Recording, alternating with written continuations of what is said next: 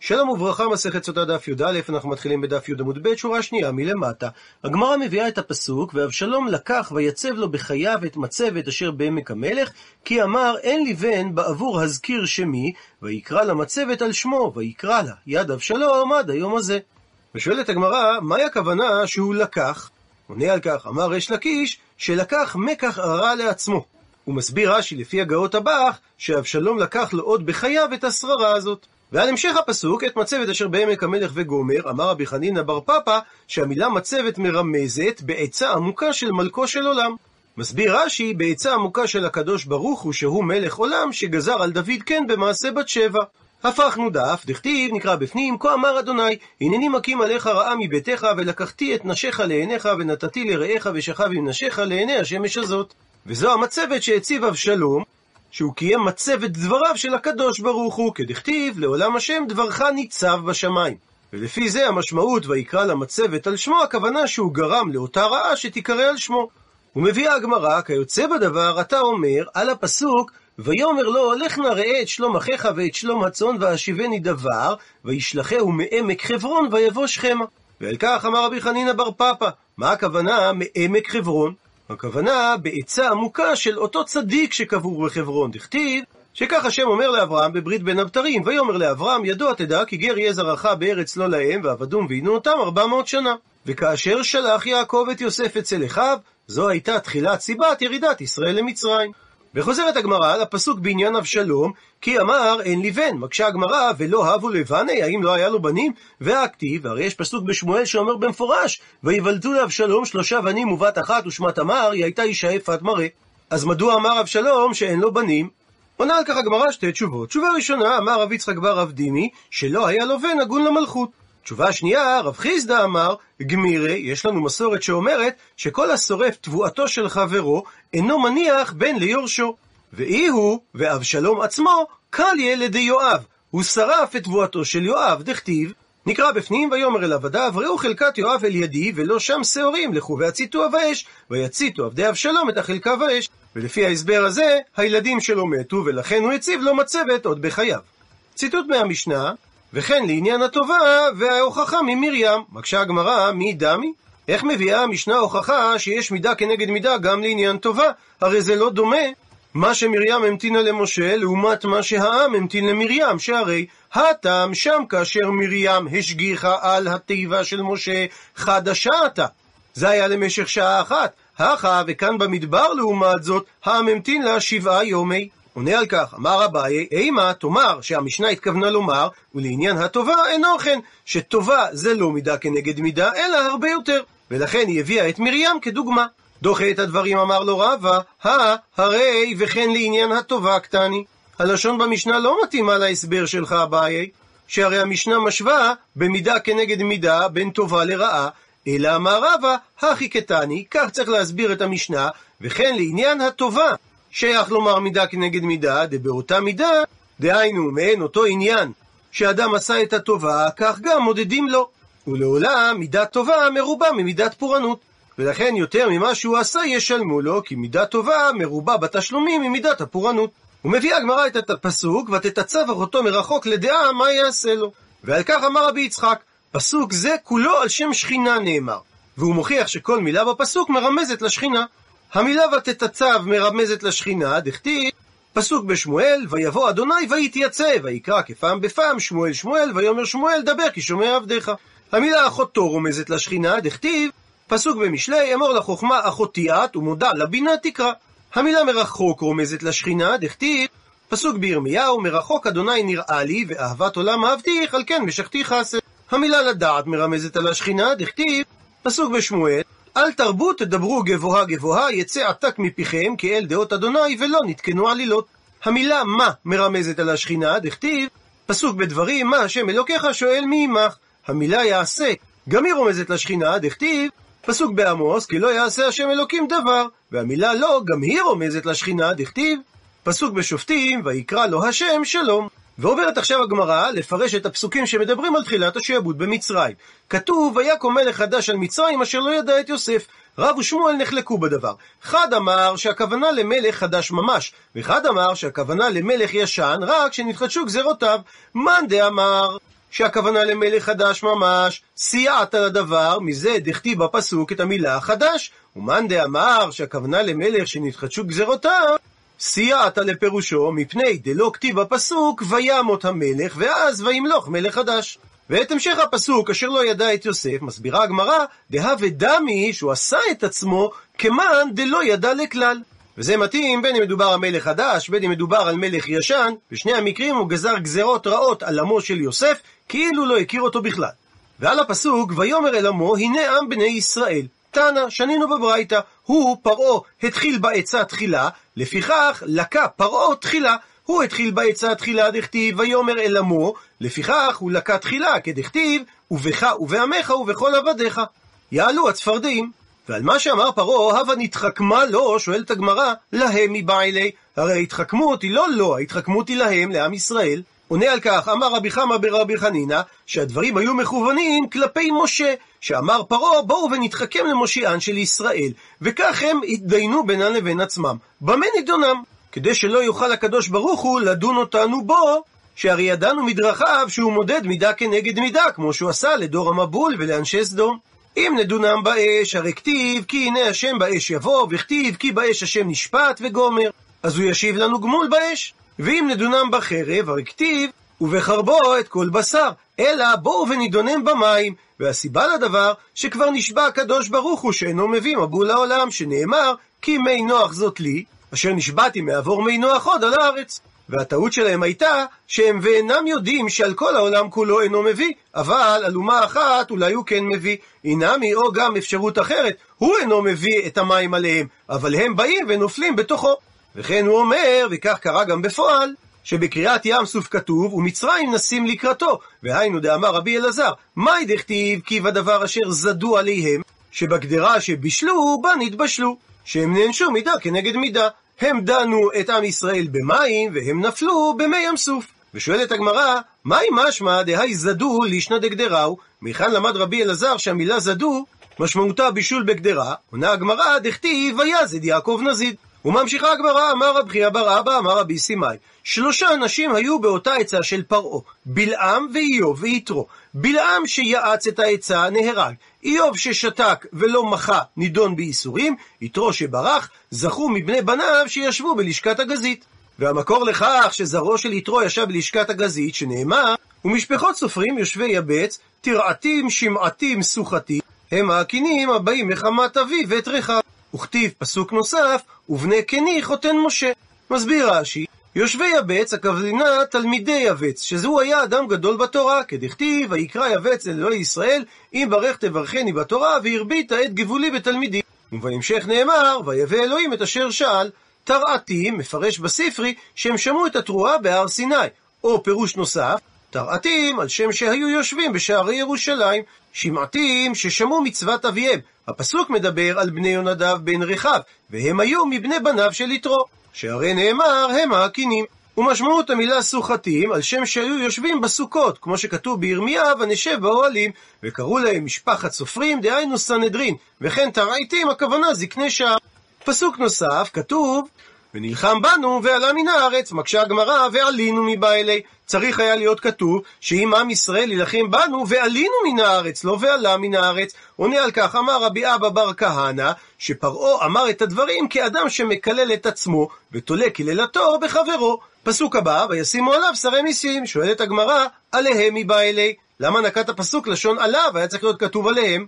עונה הגמרא, תנא, כך שנינו, דבי בבית המדרש של רבי אלעזר ברבי שמעון, מלמד שהביאו המצרים מלבן, מסביר רש"י, שהוא כמין דפוס, תבנית, שבו עושים את הלבנים, שממלאים אותו טיט ומחליקים אותו, וכך נוצרת הלבנה. ויש מקומות בעולם, כגון בברזיל, שעד היום מכינים ככה לבנים מבוץ. ותלו לו לפרעה את המלבן הזה בצווארו, וכל אחד ואחד מישראל שאמר להם, למצרים, איסטניס אני, אני מפונק, אני לא יכול לעשות מלאכה כזו, אמרו לו, כלום איסטניס אתה יותר מפרעה? וזה המשך המשמעות של הווה נתחכמה לו, וישימו עליו שרי מיסים. ועל משמעות המילים שרי מיסים, הכוונה לדבר שמשים במשמעות רידוי עבדות שמרגילין ומשימים לעבודה. שאותו מלבן שתלו לו לפרעה, הוא היה הגורם לישראל לרידוי של ההשמה. ומה שכתוב, למען ענותו בסבלותם, שואלת הגמרא, ענותם מבעילי. צריך היה להיות כתוב ענותם ולא ענותו. מסבירה הגמרא שהכוונה למען ענותו לפרעה, כדי שזה יגרום בסבלותם דישראל. ובהמשך כתוב, ויבן הרי מסכנות לפרעה. רב ושמואל נחלקו בדבר. חד אמר, זה נקרא מסכנות שמסכנות את בעליהן. מסביר רש"י שעל ידי אותם הערים ובגלל אותה העבודה שהם העבידו את ישראל, נסתכנו מצרים לטבוע בים. וחד אמר שמשמעות המילה מסכנות, שממסכנות את בעליהן. שבגלל עבודת הפרך הזו, הם הידלדלו מנכסיהם. שהרי בסופו של דבר כתוב, וינצלו את מצרים. והוכחה לדבר דאמר מר, כל העוסק בבניין מתמסכן. המשך הפסוק, את פתאום ואת רעמסס. רב ושמואל נחלקו בדבר. חד אמר, פתאום זה שמה של העיר. ולמה נקרא שמה גם רעמסס? שראשון ראשון מתרוסס. שכאשר היו בונים קצת, היה מתרוסס ונופל, וחוזרים ובונים, ושוב הוא נופל. וחד אמר, רעמסס היה שמה של העיר. ולמה נקרא שמה בנוסף לזה פתאום? שראשון ראשון, פי תהום בולעו. שמה שבונים נבלע בארץ. וכתוב, וכאשר יענו אותו, כן ירבה וכן יפרוץ. ושוב נשאלת השאלה, כן רבו וכן פרצו מבעלה, צריך היה להיות כתוב. עונה על כך, אמר אש לקיש, רוח הקודש היא זאת שהייתה מבשרתן לישראל. ואומרת למצרים, אין מועיל לכם זה שאתם מעבידים אותה, מפני שכן ירבה וכן יפרוץ. ובהמשך כתוב, ויקוצו מפני בני ישראל.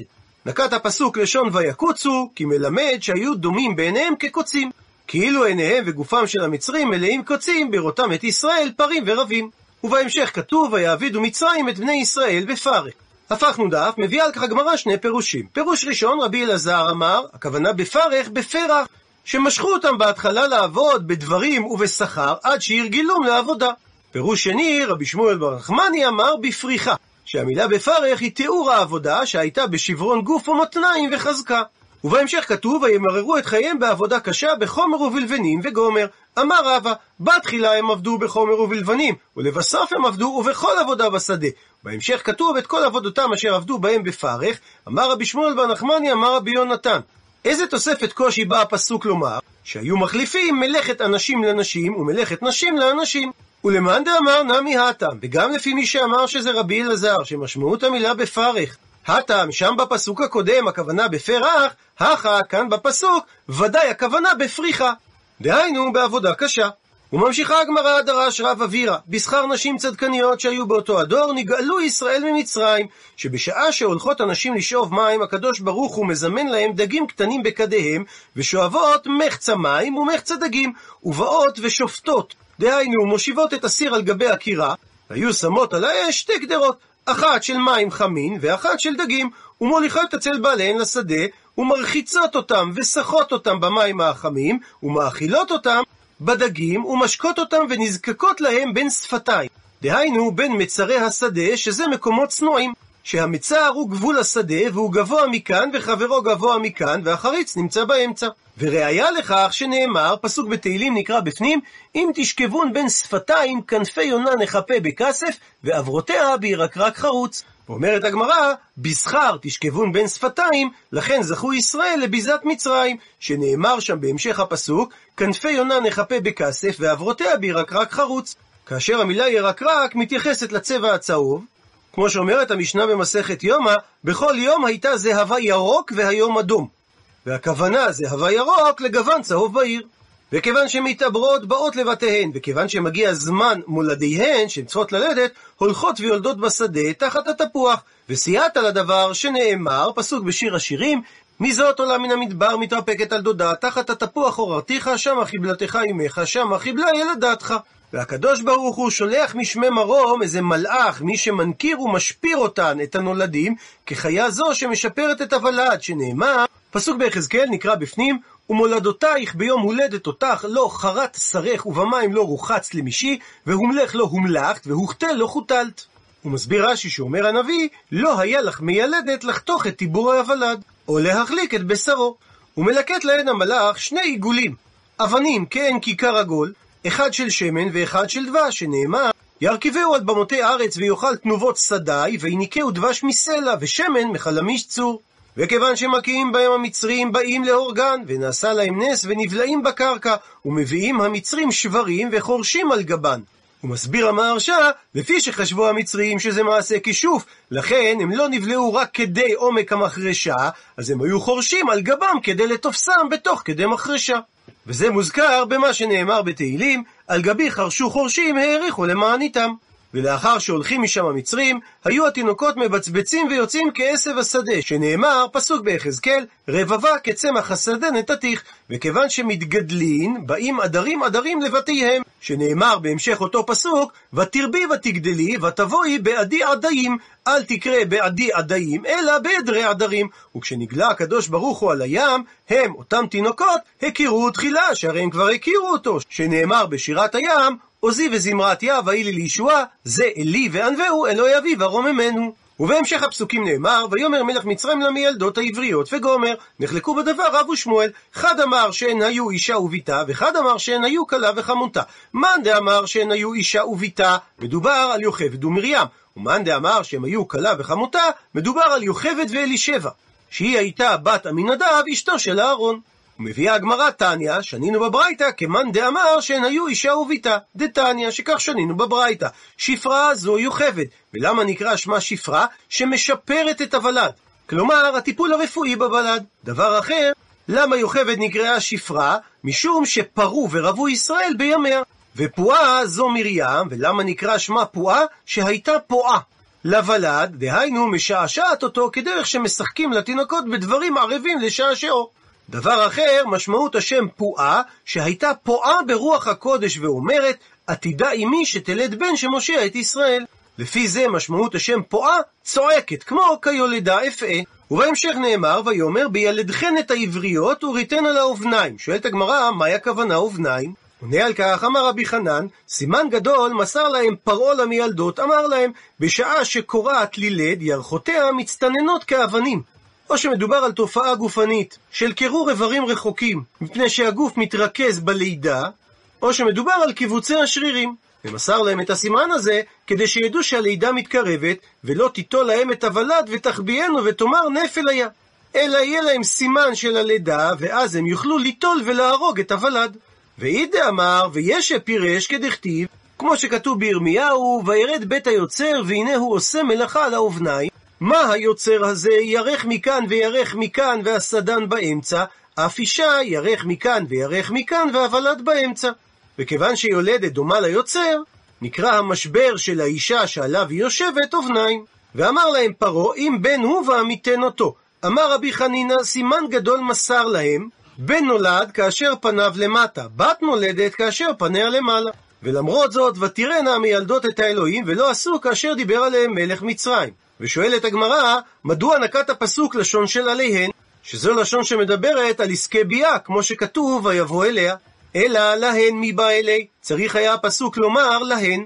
עונה על כך, אמר רבי יוסף ברבי חנינא, מלמד שתבען פרעה לדבר עבירה ולא נתבעו לו. ולא רק זה, אלא בהמשך כתוב, ותחיינה את הילדים. תנא, שנינו על כך בברייתא, לא דיין שלא המיתו אותן, אלא שהיו מספקות להם מים ומזון.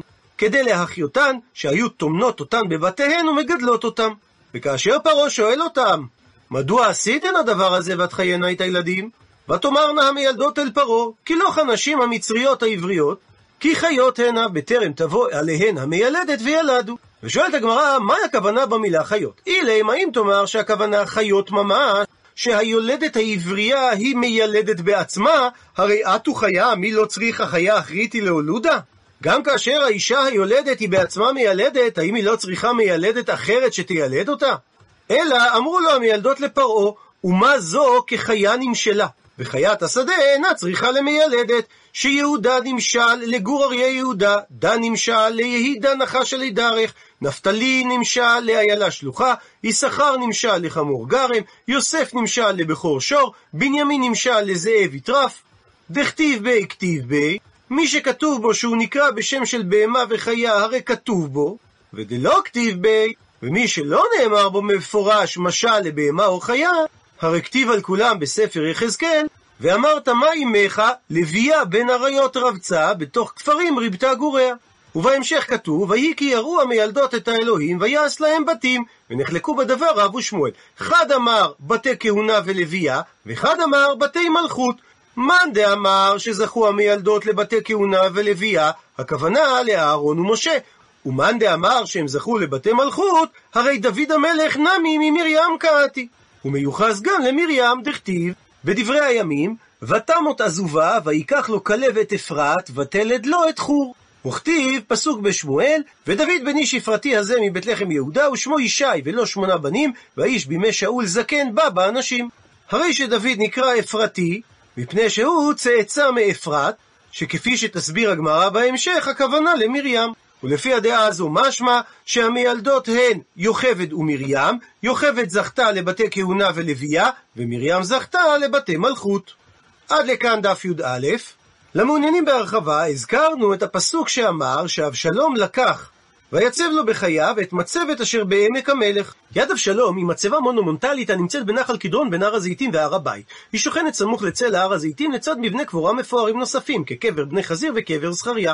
שם המצבה מצביע על מסורת המקשרת אותה למצבת שנבנתה בידי אבשלום, בנו של דוד המלך. אך לפי המחקר הארכיאולוגי זה קבר המתוארך לתקופת המאה הראשונה לספירת הנוצרים, מאות רבות של שנים לאחר זמנו של אבשלום. לדעת הארכיאולוג גבריאל ברקאי, זהו קברו של המלך אגריפס הראשון. מנהג כתום שנהג על ידי המקומיים בני כל הדתות וסקילת המצבה. תיאור מרתק במיוחד של מנהג זה מספק הצליין פליקס פברי בשלהי המאה ה-15, וכך הוא כותב: קיים מנהג שכל הילדים העוברים ליד מצבה זו, בין אם הם ילדים יהודיים ובין אם הם ילדים סרציאנים או נוצרים, מרימים אבנים מן הארץ ומשליכים אותם לעומת המצבה. אם יש למישהו בירושלים בן סורר, הוא מוליכו לשם ומכריחו באיומים ובמלקות להשליך אבנים אל המצבה ולקלל את אבשלום, והוא מספר לבנו את פרשת רישותו ומותו של אבשלום. זוהי דרך התיקון היעילה ביותר לילדים בירושלים. כתוצאה מזריקת אבנים זו בידי ילדים כה הרבה, נערמו ליד המצבה צרורי האבנים לערימות גדולות, ואילולא היו מסירים אותם משם מפעם לפעם, היה מקום זה מזמן רב מכוסו כולו באבנים. מנהג זה ידוע גם ממקורות יהודיים, ובהם משולם מוולורטה, שביקר בארץ ישראל בשנת 1481, שהיה תלמידו של רבי עובדיה מברטנורה.